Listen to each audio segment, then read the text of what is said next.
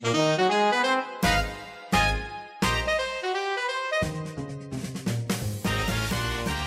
is Bontewas Podcast. Het wasprogramma tegen blinde vlekken in de media. Uw gids in mediamissers en opstekers. Ik ben Wansi Muller. En ik ben Zoe Papa Economo. Deze aflevering hebben we weer een gast, namelijk onderzoeksjournalist Kim van Keken. Welkom Kim. We gaan uh, met jou praten over diversiteit in de, de politieke verslaglegging uh, in Nederland. Maar we willen natuurlijk eerst even van jou weten, hoe ben jij ooit zelf de politieke verslaggeving ingerold? Nou, eigenlijk wilde ik helemaal niet, maar ik moest van een chef bij de Volkskrant. Ik was verslaggever. Dus ik was vooral eigenlijk op de straat, wat ik het leukste vond en nog steeds vind eigenlijk, om te doen. Maar mijn chef, Nicolaas, een zeer wijs vrouw, die zei tegen mij, je moet Den Haag gezien hebben, want dan weet je hoe de macht werkt. En dan word je altijd een hele goede journalist. Kort gezegd. Als je nou naar het politieke verslaggeverslandschap kijkt, hoe ziet dat eruit? Wat voor soort mensen werken daarin? Wie werden jouw collega's? Nou, om, om, te beginnen natuurlijk allemaal hele lieve mensen. En allemaal mensenmensen. En allemaal uh, individueel ontzettend aardig. Daarnaast, als je gewoon op dinsdagmiddag, hè, dat is het beroemde moment dat het vragenuurtje is. Dan staan alle journalisten een beetje zich te vervelen op een gang. Uh, maar ook gewoon om te kijken welke spindokters kunnen aanspreken. Dan, dan is er wel echt sprake van een Bokito-rot. Dus gewoon mannen, een beetje 40, 50 jaar oud, een bepaald type man. Nou ja, dus dat is wel redelijk, uh, en blank, wit, moet ik zeggen. Sorry. Maar dan kom jij, dan kwam jij daar in, in, in aanhobbelen, weet je, hoe, hoe, hoe, hoe was dat dan, zeg maar? Nou, toen, dat was wel heel grappig, want ik was echt zo'n uh, zo'n meisje-meisje, zeg maar. En ik hulpte er een beetje doorheen. En dat vond ik wel heel leuk. Maar ik denk ook niet dat ik zo bewust was van het verschil vrouw-man. Um, dat ben ik pas later gaan beseffen. Kijk, als je gewoon jong bent, dan, kan je heel veel, dan ben je gewoon het leuke jonge ding uit de achterban. En je, je bent lekker rock and roll bezig. En je werkt dag en nacht. En uh, je schrijft stukjes en je primeurtjes. En ze vindt het allemaal hartstikke geestig dat dat meisje ook een beetje financiën probeert te begrijpen. Pas als je echt verderop wil komen, dan, dan stuit je tegen muren op. Dan merk je in één keer, oh, ik krijg die landverhoging niet. En mijn collega wel. Uh, ik kom niet verder. Ik krijg die portefeuille niet die ik heel graag zou willen hebben. Um, en dan ben je in één keer niet meer dat leuke meisje, maar dan word je gewoon een vervelende vrouw. Ja, dat klinkt In de bekend, optiek hè? van dat soort mannen, zeg maar. achteraan, ja. Maar um, nee, die wereld is dus best wel homogeen, zouden we kunnen stellen. Hoe denk je dat dat komt, dat dat zo is? Nou, ik denk niet dat het bewust is. Hè? Ik denk ook niet dat, dat iemand in Den Haag rondloopt en denkt van nou, ik ben lekker homogeen bezig. Ik denk dat ze allemaal best denken dat ze heel ruimdenkend zijn. Uh, misschien denk ik dat ook van mezelf veel meer dan ik dat daadwerkelijk ben. Dus dat is altijd lastig. Maar er zit gewoon een enorme bubbel. Dat geldt trouwens voor zoveel plekken waar je komt trouwens hoor. Of je nou financiële journalistiek doet. Of, nou ja, jullie doen de, deze podcast al een tijdje. Dus ik denk dat het veel tegenkomen. Maar die bubbel die versterkt zich ook omdat ook de politiek echt nog een mannenbolwerk is. Ook als je kijkt, er zijn wel vrouwen, maar zijn gewoon vaak Kamerlid. En het zijn vaak niet de meest invloedrijke Kamerleden. Uh, hetzelfde geldt voor spindokters. Spindokters zijn vrijwel altijd man. Uh, op een paar na, maar echt wel gewoon. Dus ja, die, die communiceren beter met elkaar. Lijkt wel. Uh, wat betekent dat dan voor de verhalen en perspectieven, zeg maar, die we als consument krijgen? Nou, wat er sowieso heel erg speelt, en dat is sowieso als je in een bubbel zit, is dat er altijd wordt gezegd, we doen dit omdat we dit zo nou eenmaal doen. Dus dat, dat wat je nu heel erg ziet, is al die interviews met semi-lijsttrekkers of half-lijsttrekkers of whatever. Als je daarvan vraagt, heeft de consument er echt wat aan? De lezer, de kijker, er wordt gezegd, ja, maar het is nieuws. Het is nieuws dat Hugo de Jonge zich kandideert. Terwijl ik denk, nou, ik, ik lees al twee jaar profielen van die man. Dat die, dat die, dus zoveel nieuws. Ik, vind ik zou het nieuws vinden als hij het niet wordt. Uh, maar toch moeten er dan uh, de, overal exclusieve interviews. En dan exclusief tussen haakjes, want je ziet hem overal. En hetzelfde geldt voor Kaag. Uh, maar omdat wij in die bubbel hebben besloten dat nieuws is, moet, moet de lezer of kijker dat ook nieuws vinden. En er ontstaat dan ook een soort concurrentie of zo. Dus het lijkt wel eens een soort, het lijkt wel een soort spel af en toe, weet je wel, een soort wedstrijdje. Ja, je moet altijd de eerste zijn. Dat, is ook, dat geeft ook echt een kick. En ik moet ook de eerste keer dat je dan een primeurtje krijgt, dan uh, krijg je ook complimentjes. Dus dan, uh, dan heb je een primeurtje. Ik had een keertje, ik had, dat was mijn eerste primeurtje in Den Haag. Dat ging over Eurlings, ik had zijn Eurlingse propagandastrategie, had ik had ik de hand op weten te leggen. Dus hoe hij probeerde allemaal media te bespelen. En dat was gewoon een heel grappig bericht. En toen zei iedereen, oh, wat goed van jou. En dan voel je toch, snap je, daar hoor je, daar hoor je er helemaal bij. Maar omdat je elkaar de hele tijd complimentjes zit te geven, uh, leef je misschien ook niet zoveel kritiek. Of ben je vooral bezig met wat die ander dan van je vindt. Ik vind het woord wat je gebruikt erg interessant. Hè? Je krijgt een primeurtje. Terwijl ik zou zeggen, je hebt een primeur omdat je iets goed hebt onderzocht. Nou, ja. En, maar dat is dus niet zo. Want dat is inderdaad, weet je wat ik ook soms wel hoor over die politieke wereld, is je moet gewoon goed netwerken en, en goed te liggen. En dan krijg je van een voorlichter een primeurtje. Of ben ik nu te? Nou, het is, het is het is niet zo, kijk, het is ook niet zo, natuurlijk, uh, toevallig, ik had een stuk geschreven van de Groene hierover, over die primeurtjesjacht. En, en vandaag had ik nog gesprek met een politieke redacteur die daar nog echt best wel verdrietig over was, zeg maar. En die zei, ze werken echt keihard. En dat is echt wel gewoon, alleen de vraag is, en ik heb daar zelf ook rondgelopen, of, of het uren maken gelijk staat de kwaliteit die je levert. Of dat, dat je er zo over nadenkt. En um, je krijgt dingen omdat ze je aardig vinden. Je krijgt soms ook dingen omdat je heel hard werkt. Want ze ook wel zien van God, nou, hè, die, die, uh, die zitten wel bovenop. Het is ook wel zo als je een puzzel maakt in Den Haag. Uh, dus heel veel stukjes bij elkaar legt. Dat een voorlichter ook soms denkt, goh, dan geef ik dat laatste stukje. Zodat de hele puzzel compleet is. Dus het is niet altijd, maar het meeste, nou laat ik het zo zeggen, als het, als het plan voor de coronacrisis, hè, de, de, hoe noem je dat ook alweer, dat je er weer uitkomt, de exit-strategie, overal uitlekt, dan is dat niet enorm hard. Ja, het is wel hard werken, maar het is wel gegund. Het is lastig, omdat, weet je, het is makkelijk oordelen van ze, ze doen allemaal maar wat. Dat is natuurlijk ook niet zo. Um, en ik heb het zelf ook gedaan. Ik heb zelf ook achter die primeurtjes aangejaagd. En dat is best wel hard werken, alleen het is gewoon hard netwerken. ja, maar dat, dat, dat vind ik denk ik het moeilijke. Er, ik snap het ook, hè. ik heb het in een andere vorm ook echt in het begin dat ik echt in de nieuwsjournalistiek werkte, op bepaalde vlakken ook echt, echt precies zo gedaan. En scoopjes werden gewoon heel hoog beloond. En daar draaide het om, uh, wat meer om. Maar wat ik er ook lastig als je het nadenkt over diversiteit binnen ook de politieke verslaggeving. Wat ik ook lastig vind, ook dat, dat het zorgt er dus ook voor dat het een specifieke groep is, kan ik me zo voorstellen, die het zich ook op, hè, kan permitteren om 24/7 daar de hele tijd rond te hangen, bij wijze van. Mhm. En al die netwerken te onderhouden. Um, ja, als ik het soort ook een bepaald soort cultuurtje, daar moet je je dan ook senang bij voelen of zo. Ik kan me voorstellen dat dat ook wel uitsluitend werkt voor voor mensen die denken, nou, hier heb ik gewoon geen zin in. Is wel minder geworden volgens mij, want ook dat, dat hele nieuwsport hangen is gewoon minder. Ook omdat meer mannen gewoon ook voor hun kinderen moeten zorgen. Vrouwen pikken dat ook niet meer. Daar hoor je ze ook wel over klagen, weet je wel. Max van Wezel, wat echt een goede vriend van me was. Hè, dat echt een van mijn beste matties. Helaas is die overleden. Maar die uh, vond ook wel echt ja, dat is wel veranderd en dat is goed ook. Weet je wel, dat gewoon, dat, we niet meer dag en nacht. En, maar ook door internet is alles makkelijker geworden. Je kan ook bellen, weet je wel. Je, hoeft niet meer continu overal rond te hangen.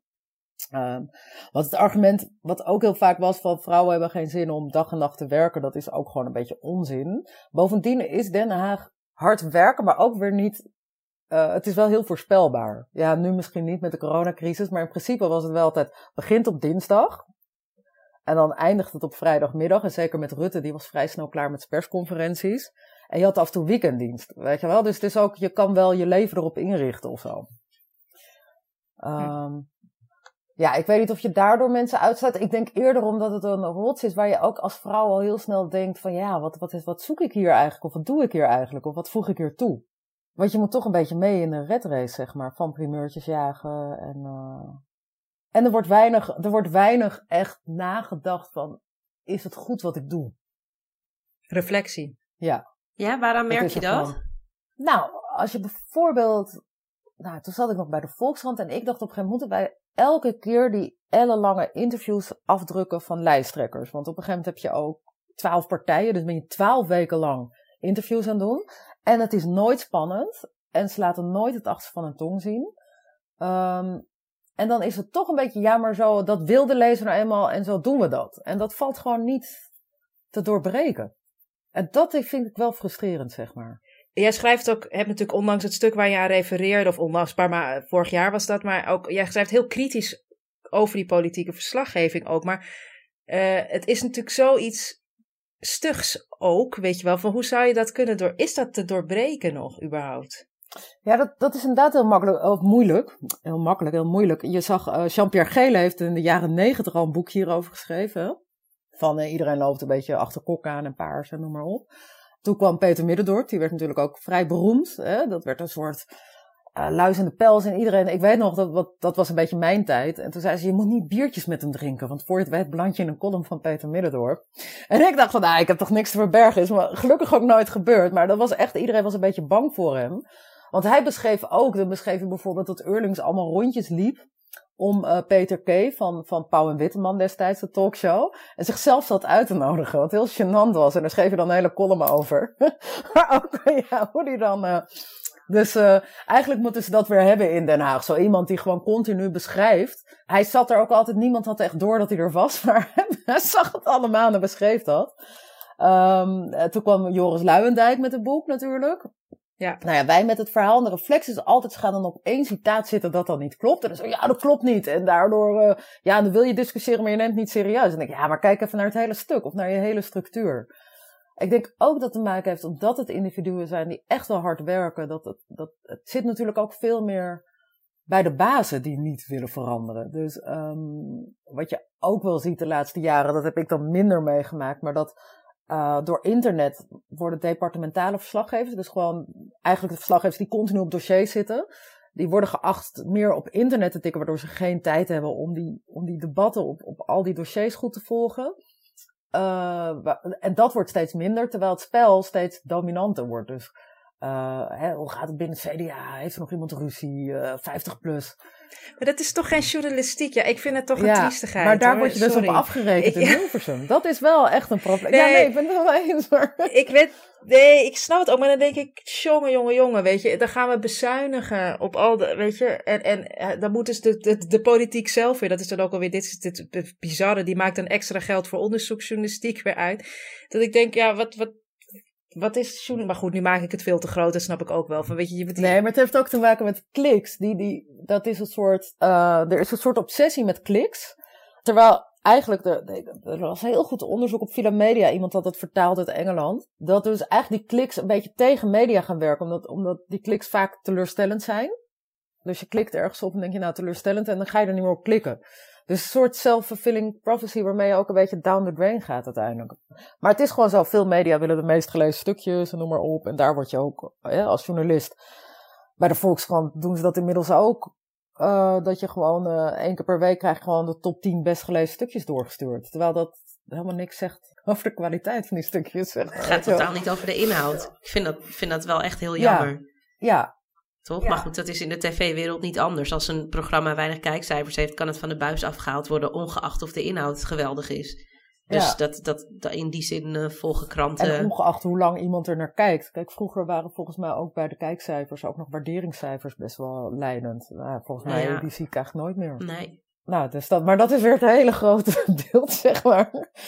Uh, maar diversiteit natuurlijk wel, vergeet niet dat er gewoon in Nederland twee uitgevers zijn die gewoon het hele krantenlandschap bijna beheren. En die mensen zijn vooral op kliks en niet zozeer op diverser maken of de wereld een beetje beter. Sterker nog, ze onderbetalen hun eigen mensen gruwelijk. In ieder geval hun ZZP'ers.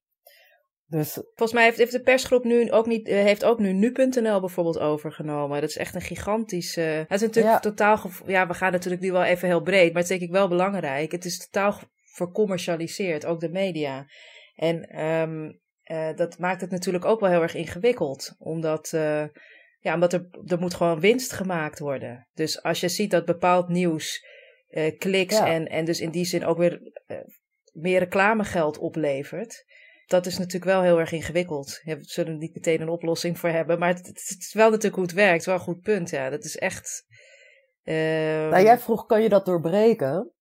En ik had toevallig vriendin van Lise Witteman, die zit nu in Brussel die ziet ook in Brussel met leden ogen aan dat er echt honderden dossiers liggen. En zij zit daar als onderzoeksjournalist voor 35 cent per woord, omdat ze dat met passie doet. En voor de rest zitten ze alle, weet je, ze heeft laatst al voor Uber geschreven en hoe die lobby ook werkt. En dat dat toch ook wel door de VVD heel erg vanuit Nederland wordt geholpen voor FTM. Maar zij zegt ook van ja, hoe doorbreken we dat? Dus ze zei, moeten we niet een project met z'n allen beginnen dat we gewoon uh, uh, die journalistiek gaan beschrijven? Dus ik, nou ja, dan komen we meteen weer aan de bak. Ik vertelde dat laatst aan iemand die ik ken die buiten de journalistiek werkt. Van realiseer je dat in sommige gevallen journalisten ook echt onder het minimumloon werken. Want is dat als je per woord betaald wordt, dat is natuurlijk een, een waanzin van hier tot heb ik jou daar. Omdat je soms inderdaad met, Ja. met ontzettend goed uitgezochte stukken, daar kan je dagen, weken mee bezig zijn.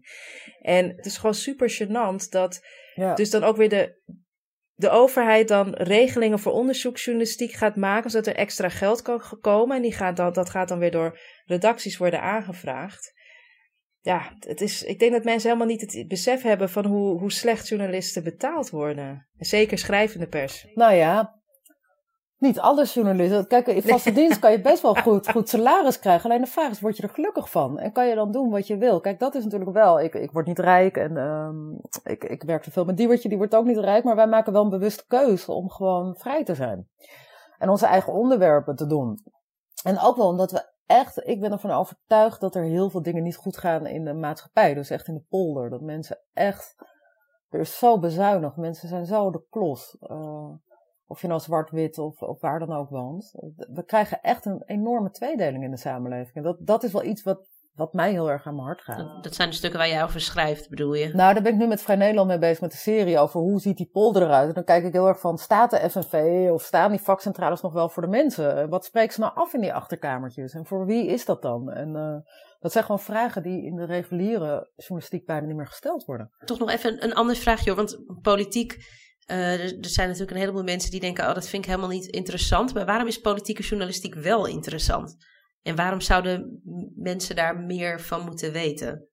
Nou, om te beginnen, ik dacht vroeger het informeert, maar ik merk dat er steeds meer echt gewoon, uh, echt gewoon beerputten zijn. Dat zie je wat Pieter Klein en, nu doet. Jan Klein Nijenhuis over die belastingtoeslagen. Is echt. En ik denk eerlijk gezegd dat er heel veel dossiers liggen die. Ja, er is echt wel wat aan de hand. Dus daarom is het heel belangrijk voor burgers dat er goede politieke verslaggeving is. En ik denk ook gewoon voorlichten van wat willen partijen nou eigenlijk. Maar ook echt wat willen ze echt. Dus niet wat zeggen ze wat ze willen, maar wat willen ze echt. En daarom ontbreekt het echt. Uh, als je een beetje massa hebt, wordt een verkiezingsprogramma samengevat, nog in de krant. Maar eigenlijk zou je ook zeker bij regeringspartijen moeten kijken wat hebben ze beloofd, wat hebben ze gedaan. En hoe realistisch is het wat in een verkiezingsprogramma staat? Want heel vaak zie je ook bijvoorbeeld dingen die, die al lang zo zijn. We willen, we willen het een beetje veiliger. Of weet je wat, het zijn allemaal van die vage begrippen waar, wat je echt altijd kan roepen. Dus daarom is het zo belangrijk, zeg maar. Goede voorlichting. Nou, volgens mij uh, zijn we toe aan een spelletje. Nou, Kim schenkt nog een glas wijn in. Ja, ja. kom maar op met een spelletje. Dat past inderdaad heel goed bij een spelletje. Ik heb een hekel aan spelletjes. Ja.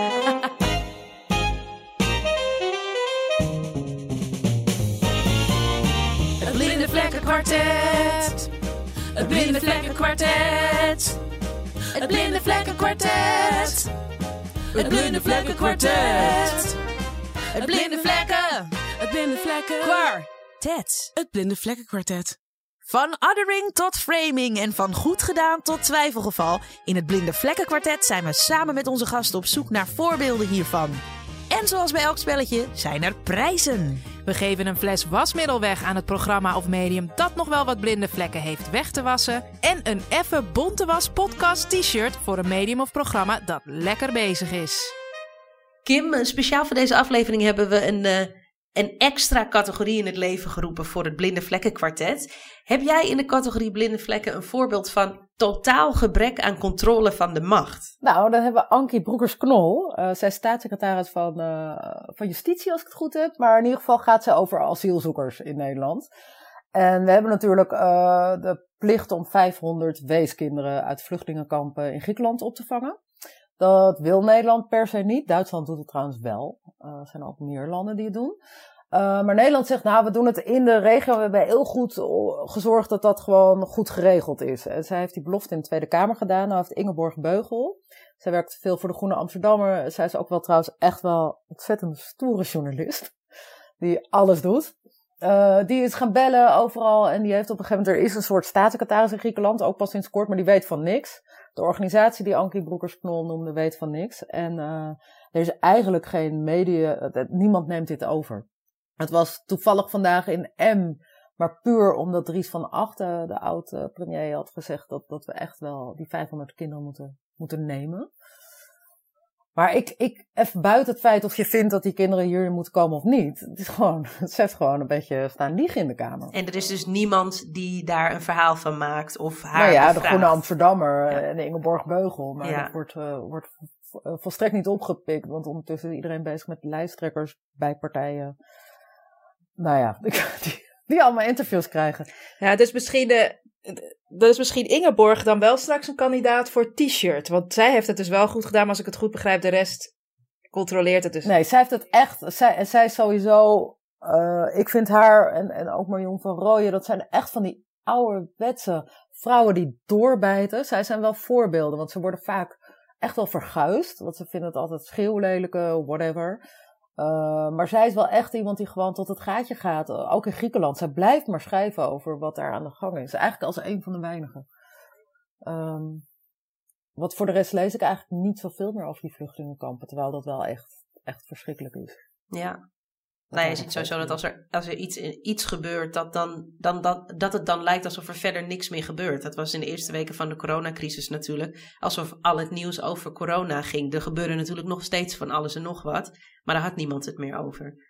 Dus dat is, ja, zijn Ja, blijkbaar... vluchtelingen is sowieso wel lastig. Dat was ook voor corona. Is dat een soort eh, blinde vlek lijkt dat wel. Van, eh, oh god, als we maar niet eh, vluchtelingen hierheen hoeven te halen. Er is een soort...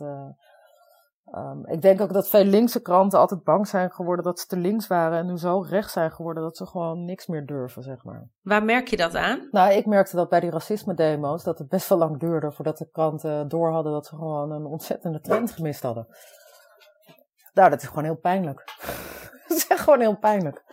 Ehm, en dan nog zijn ze heel voorzichtig, vind ik. Om Ja. gewoon, ehm, Ik ja, kan, nou ja, kan alleen maar ja eh, zeggen. te zeggen van, eh, er is wat aan de hand, mensen, weet je wel. En eh, dan denk ik, why, weet je wel? Dat vind ik gewoon opmerkelijk. En dan denk ik van, god, dat doen rechtse blogs toch beter, weet je. Die durven gewoon te zeggen wat er gebeurt. In hun ogen. Nee, dat moet ook wel zeggen, om daar dan toch nog even wat Ingeborg Beugel kort op aan te sluiten. Kijk, zij heeft natuurlijk ook eh, Hotel Athena heette dat gemaakt, een serie over Griekenland. En dat is natuurlijk echt, het gaat mij dan natuurlijk wel een beetje aan het hart, maar dat is natuurlijk een totale blinde vlek in Nederlandse media, omdat het niet resoneert en, en ook niet om die aandacht wordt gevraagd. En, ehm, en dat, eh, behalve als het over de vluchtelingen gaat, maar zelfs dat krijgt nauwelijks aandacht meer, terwijl er daar nu de hele tijd maar nu ook weer heel veel gaande is. En zij is wel echt iemand die daar, zij heeft ook echt, je echt heel lang moeten werken om die serie voor elkaar te krijgen. Ja. En ehm, nou ja, ze is misschien een goede kandidaat voor het t-shirt dan straks. Nou, zeker. Wat ook, overigens, we hebben het nu over vluchtelingen, maar ook wat die, wat die eh, pakketten met Griekenland hebben gedaan. Precies. Dat is zo. En, en ik, vind, ik vind de Nederlandse media best wel harteloos hoor. Als we schrijven over het buitenland. eh, überhaupt buitenlandse verslaggeving is zo weinig. Nou, we zijn echt, ik bedoel, de categorie navelstaren geldt denk ik ongeveer voor elk bericht in de Nederlandse media. Zeker als het over het buitenland gaat, dat is duidelijk. Ja. ehm Wansie, Yes. heb je in de categorie blinde vlekken eh, een twijfelgevalletje voor me? Jazeker. Ehm je had het net al eventjes over eh, alle interviews met lijsttrekkers of semi-lijsttrekkers, want we weten het nog allemaal niet. Ehm, nou ja, Sigrid Kaag, hè, die heeft gezegd dat ze eh, de lijsttrekker van D66 wil worden. Er waren wat eh, exclusieve, inderdaad weer tussen aanhalingstekens, interviews uitgezet. eh, onder andere met Jinek, één vandaag. En eh, even kijken, wie was die ander nou? Ehm, eh, een krant was het volgens mij. Ik ben even vergeten Algemeen welke. Dagblad heeft nog wat. En Trouw had trouwens een profiel. Ja, nou ja, er is, eigenlijk iedereen is er opgesprongen. Ehm, maar wat mij opviel is dat ze eh, alleen volgens mij vrouwelijke journalisten die eh, exclusieve interviews heeft laten doen. Die eerste drie dan. En nou ja, ik heb dat natuurlijk bekeken. Die van één vandaag was met een dame. En eh, Jinek die had natuurlijk het interview met haar.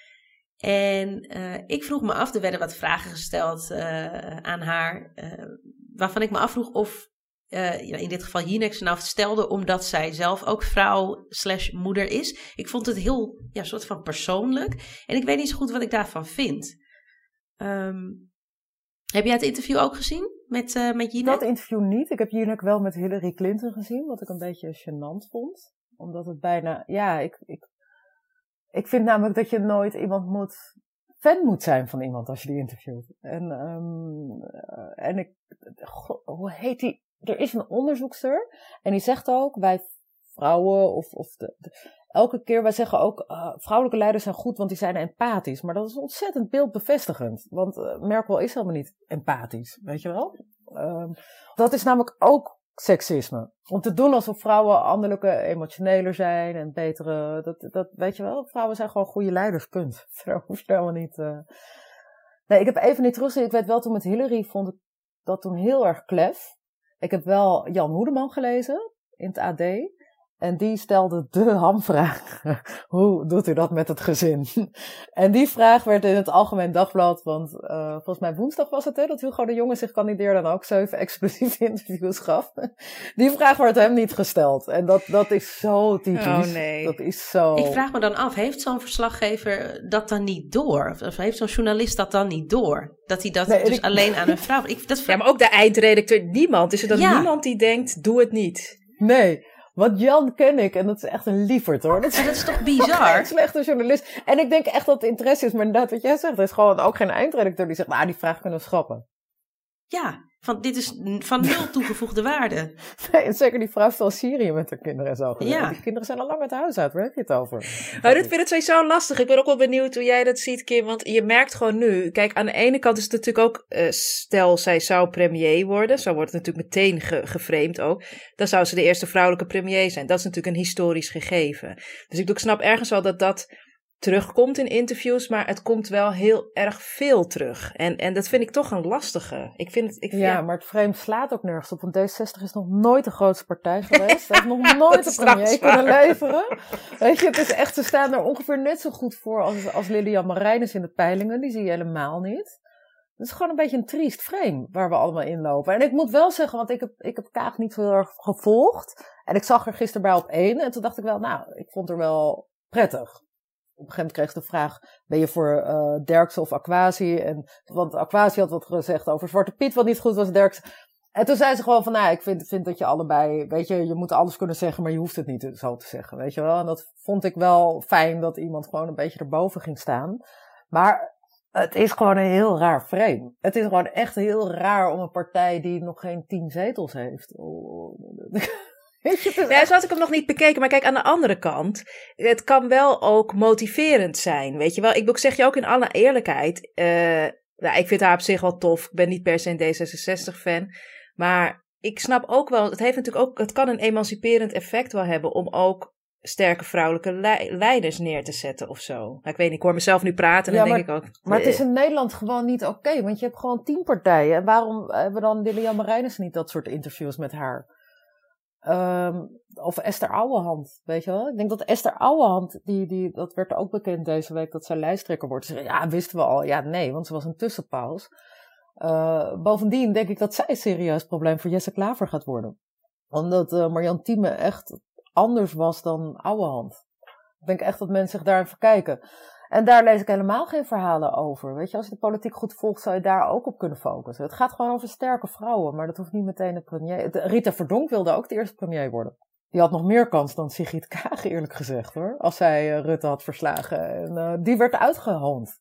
Dus dat vind ik dan wel. Dan denk ik, hebben de dat vind ik dan wel dat ik denk, hebben de media dan toch een stiekeme voorkeur voor progressieve partijen? Ja, dat werd wel besproken in het eh, mediaforum vandaag. Nou ja, dat, maar als je kijkt hoe op Rita, dat heb ik dan meegemaakt. En ik was ook geen fan van haar hoor. Maar ik dacht wel, ja, die werd meteen eh, uitgelachen. Ik weet even niet of het nou eh, Bert Huisjes was van WNL, maar in ieder geval een van de gasten in Spraakmakers die zei dat eigenlijk alle journalisten D66'ers zijn. Ja, maar dat is ook zo stereotyp. Ja, ik weet het niet. Maar er zit wel iets van.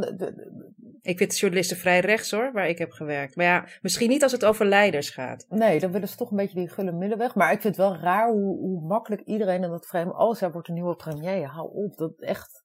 Maar dat vind ik ook met Hugo de Jonge trouwens. Want dat, daar heb ik me ook heel erg aan geërgerd. Want die wordt dan zeven interviews en zo. En die Mona Keizer, die is gewoon weg. Die was al weg op het moment dat hij zeven interviews kreeg. Je speelt een rol als. eh, Nou, dat is, je bent, dus, je bent dus, dus aan het beïnvloeden inderdaad. Misschien onbewust of misschien bewust, maar ik, laten we zeggen, het voordeel van de twijfel onbewust. Ben je inderdaad uh, de verkiezingen aan het beïnvloeden. Ja, misschien ik haak ik even in, want mijn uh, voorbeeld voor het Blinde Vlekken Kwartet, dat was een interview met uh, Hugo de Jonge. Jij kon er inderdaad uit 80 kiezen, maar ik heb er maar een Volkskrant gekozen. En sowieso, want dat viel me ook bij Kagel, hè, ook bij dat interview met Jinek. Als het dat het echt inhoudelijk wordt over waar gaat die partij voor staan bij de verkiezingen, waar staat zij voor, ja, daar moest je echt heel lang op wachten. Dat kwam pas op het einde. Dat vind ik heel raar, want ik denk daar zou het dan toch over moeten gaan. Uh, en dat had ik dus bij Hugo de Jonge ook. Maar ook als je het over diversiteit had. Waar ik me heel erg aan ergerde, is dat er ik vond eigenlijk alle interviews met hem heel erg aandoen alsof het een soort uh, vooropzetje was met de voorlichter van nou hij wil iets over boeren zeggen en hij wil, iets, hij wil minder polariserend overkomen en dat moet er dan een beetje in zitten. En er staat er voor de vorm een kritische vraag maar ik vond heel weinig inhoudelijk. En zeker als je het hebt over een CDA-lijsttrekker uh, en kijkt naar die partij en ook wat zij, hoe zij hebben bijgedragen aan polarisatie op het gebied van migratie bijvoorbeeld of islam en dan nu ineens daar een heel andere strategie in kiezen, dan verbaast het mij wel dat daar gewoon niet op doorgevraagd wordt. Kijk, ik kies dan nu de Volkskrant. Ik had ook andere uh, media kunnen kiezen, want het gebeurde eigenlijk nergens. Behalve, moet ik toch een keer zeggen, bij het AD. Daar werd dus daar wel over doorgevraagd. En dat, het verbaast mij gewoon zo. Maar ik ben dan benieuwd, misschien kan jij die achterkant wat meer vertellen. Is dat dan echt een vooropgezet dingetje? Nou, het... Lees zo'n voorlichter dan ook het, het interview nog daarna? Ja, alles wordt geautoriseerd. Wat ik weet, tenminste, daar ga ik wel van uit. Want toen ik in Den Haag zat, dat is echt al bijna tien jaar geleden. Toen verzet ik me tegen autorisaties, maar er waren eigenlijk maar twee mensen die het niet deden. Dat waren Henk Kamp en Jan Marijnissen. Want die hadden gewoon zoiets van, nou, als je, als, als je het gewoon verknalt, krijg je nooit meer een interview. Wat best wel een goede deal is, weet je wel. Ja, daar ben je gewoon zelf bij. Uh, net zo, en Hans Hille, die was ook zo. Dat is echt nog de oude stempel, CDA. Maar de rest wil alles lezen van tevoren. En kijk, er wordt wel gezegd, je mag alles vragen. Alleen je krijgt een antwoord en daarom deugt het niet. Nee. Want je mag niet alles vragen. Ja, je mag alles vragen, je krijgt een antwoord. Dus knip je dat eruit. Dus heb je dat nooit gevraagd. Dus gaat het helemaal nergens over. En wat wel in Den Haag is, en dat, dat, dat gaat over diversiteit, maar ook over alles, dat er eigenlijk uh, nooit wordt gevraagd naar de mensen. Dus heel erg beleidsmatig. Er wordt heel erg gedacht vanuit, um, nou ja, weet je, van uh, de publieke zaak. En, uh, en links is tegen bezuinigen op de publieke zaak. En, en rechts is voor. Maar er wordt heel weinig gekeken van, maar wat betekent dit nou? Want die publieke zaak zijn die ziekenhuizen waar de IC-bedden in één keer zo weinig was. Of de gemeente waar bijna geen geld meer is. En wat mij zo fascineert aan die, aan die interviews, dat die interviews gaan over een Nederland zonder coronacrisis. En zonder economische crisis. Um, en ook als het gaat over boeren, de boeren worden ontiegelijk gebruikt door rechts. Net zoals uh, ik vind dat, dat, dat zwarte mensen dan weer heel erg door links worden gebruikt, weet je wel. Het wordt gewoon heel erg geframed door partijen. En ik vind het de taak van journalisten om dat te doorprikken. En nou, qua boerenvoorbeeld heb ik bijvoorbeeld heel erg Bleker op de korrel. Die eerst geen landbouwgrond wilde geven aan, uh, aan de natuur als staatssecretaris. Nu is hij zelf directeur van de zonnepanelen eh, gebeuren. en uh, hij, hij adviseert Forum voor Democratie uh, over landbouw. De oud-CDA-staatssecretaris. Maar hij vindt dus dat, dat, dat landbouwgrond nu naar zonnepanelen moet gaan. En dat draagt hij ook uit. Hij zat ook laatst bij WNL dat te verkondigen. Dat is echt en zo worden boeren misbruikt. En dat moet je blootleggen als journalist. En dat moet je niet één keer doen. Dan moet je eigenlijk gewoon elke keer als Bleker weer in beeld komt of Forum, moet je dat vertellen. Nee, ja, ik ben het echt zwaar met je eens. Dat vind ik dus controle van de macht. En dat vind ik dus niet een soort zoutloos interview met een semi-lijsttrekker. Wat, wat, wat moet ik daarmee? Als, als, als, wat geeft het mij voor... Nee, voor informatie als consument. Ja, en ook met die boeren, vond ik ook nog een mooi voorbeeld. Ik had een tijd geleden sprak ik een boer en toen hadden we het gewoon over die, die demonstraties dat die deur bij het provinciehuis werd, werd neergehaald, zeg maar. En dat werd heel gezien van, oh, dat zijn die, die hele boze boeren die allemaal tegen, tegen links zijn en tegen stikstofbeleid. En toen zei die boer van, nou ja, maar dit was Groningen en daar waren we al jaren aan het procederen omdat wij heel veel schade, waterschade hebben door de aardbevingen en we krijgen geen schadevergoeding en zo. Dus er zat heel veel frustratie in. En toen dacht ik, jeetje, dat had ik als kijker gewoon willen weten.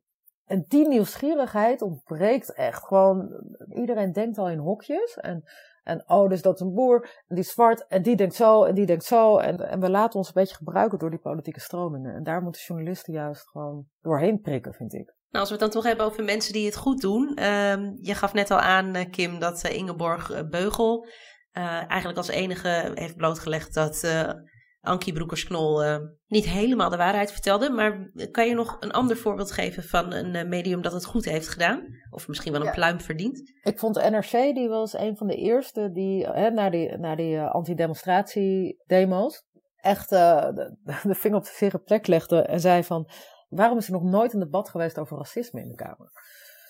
En dat was een heel pijnlijk eh, stuk, want, want de, de conclusie was dat iedereen een beetje voor wegholde, want oh, oh, oh, ingewikkeld. Dus het is wel zo, kijk, het gaat over de toeslagen en daar komt naar boven dat er etnisch geprofileerd wordt. En we hebben het wel eens over een incident bij de politie, maar nooit waarom hebben we niet over het hele plaatje? Waarom is het niet gewoon een, een middagvullend debat? Dat al, hè? Je kan er ook een hele commissie voor oprichten trouwens. Maar goed, waarom is dat niet? Ik denk trouwens wel dat dat het probleem is in heel Den Haag. Dat er nooit een structureel debat wordt gevoerd. Omdat je ook bij veiligheid en justitie... Het was eerst justitie en veiligheid. Ah, Nee, dat heet nu justitie, veiligheid, toen veiligheid en justitie. Nou ja, wisselt. Er zijn zoveel affaires geweest. Hè? De bonnetjesaffaire, die afgetreden, die afgetreden, weer dit. Politie loopt niet. eh, nou, blablabla. Nooit is het debat van, maar wat gaat er niet goed op dat ministerie? En waarom is dat debat er niet? Want daar scoor je niet mee.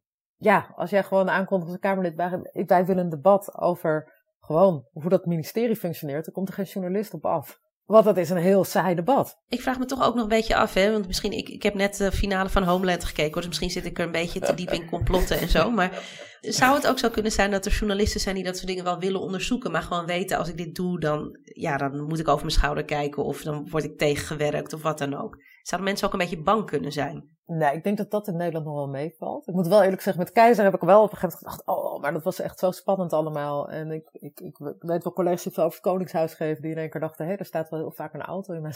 Wat is dat? Heb ik wel eens gehoord, maar die ook achteraf zeiden, je wordt ook een beetje paranoia. Ik denk dat dat nog meevalt in Nederland, maar zeker weten doe je het niet. En dat zei trouwens een collega van mij, die kwam uit Israël terug en die kwam toen in, uh, in Den Haag. En die zei, in Israël is er echt geen democratie en dan moet je echt als journalist vechten voor je plekje. En wat gênant is het als je hier elke week bij de Rutte-persconferentie ziet dat niemand doorgaat. Het is echt een beetje, een beetje oude jongens krentenboot. En ik denk dat dat vooral het probleem is. En dat ook als iemand een gekke vraag stelt bij de persconferentie, gekke vraag tussen haakjes, want dat vindt dan de Bokito-rot, dan zou niemand diegene steunen als Rutte die lullig behandelt.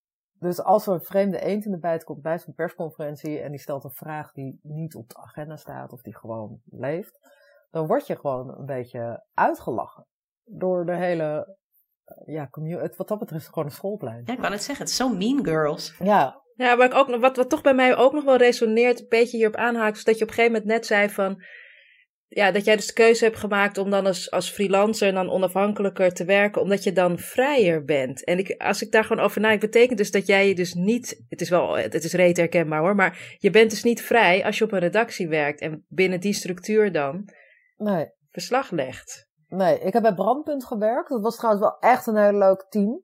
Daar al dacht ik echt van nee, dit is het niet. En toen, nou, ik werd trouwens zwanger en dat was heel pro, of de, de- mijn man ging weg, of mijn vriend.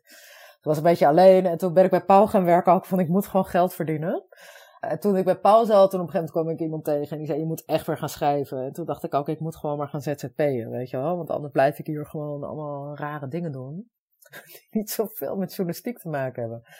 Maar ik ken natuurlijk nog heel veel mensen bij de Volkskrant. En sommigen zijn gelukkig. Maar ik word toch ook wel. Het- het is allemaal volgens zo'n stramien. Ja, ja, precies. En uh, om dat stramien te doorbreken moet je van heel ver komen. En ik heb natuurlijk toen ik journalist van het jaar werd wel aanbiedingen gehad. Dan komen mensen wel, kom weer bij ons werken. En ik dacht altijd van, oké, okay, dan misschien een vast baantje, voor zekerheid. Maar ik weet ook, A, word je dan als een soort diva binnengehaald. Hè? Uh, en dan, dan wordt de druk om te presteren ook veel te groot. Want ik, ik hoef ook niet zo nodig te scoren. Ik wil ook gewoon mooie verhalen maken, weet je wel. Ook ik ben nu bezig over mensen die gewoon vermalen worden door bureaucratie bij de aanleg van een dijk. Dat wordt helemaal geen landelijk nieuws, maar ik vind het wel mooi om te vertellen. Ja, dat is eigenlijk mijn enige taak. En de rest is heel veel. Ja, dat is wel. Journalisten zijn een beetje sterretjes geworden. Egotjes, ja. Nicole de Borg zei het in een eerdere aflevering al.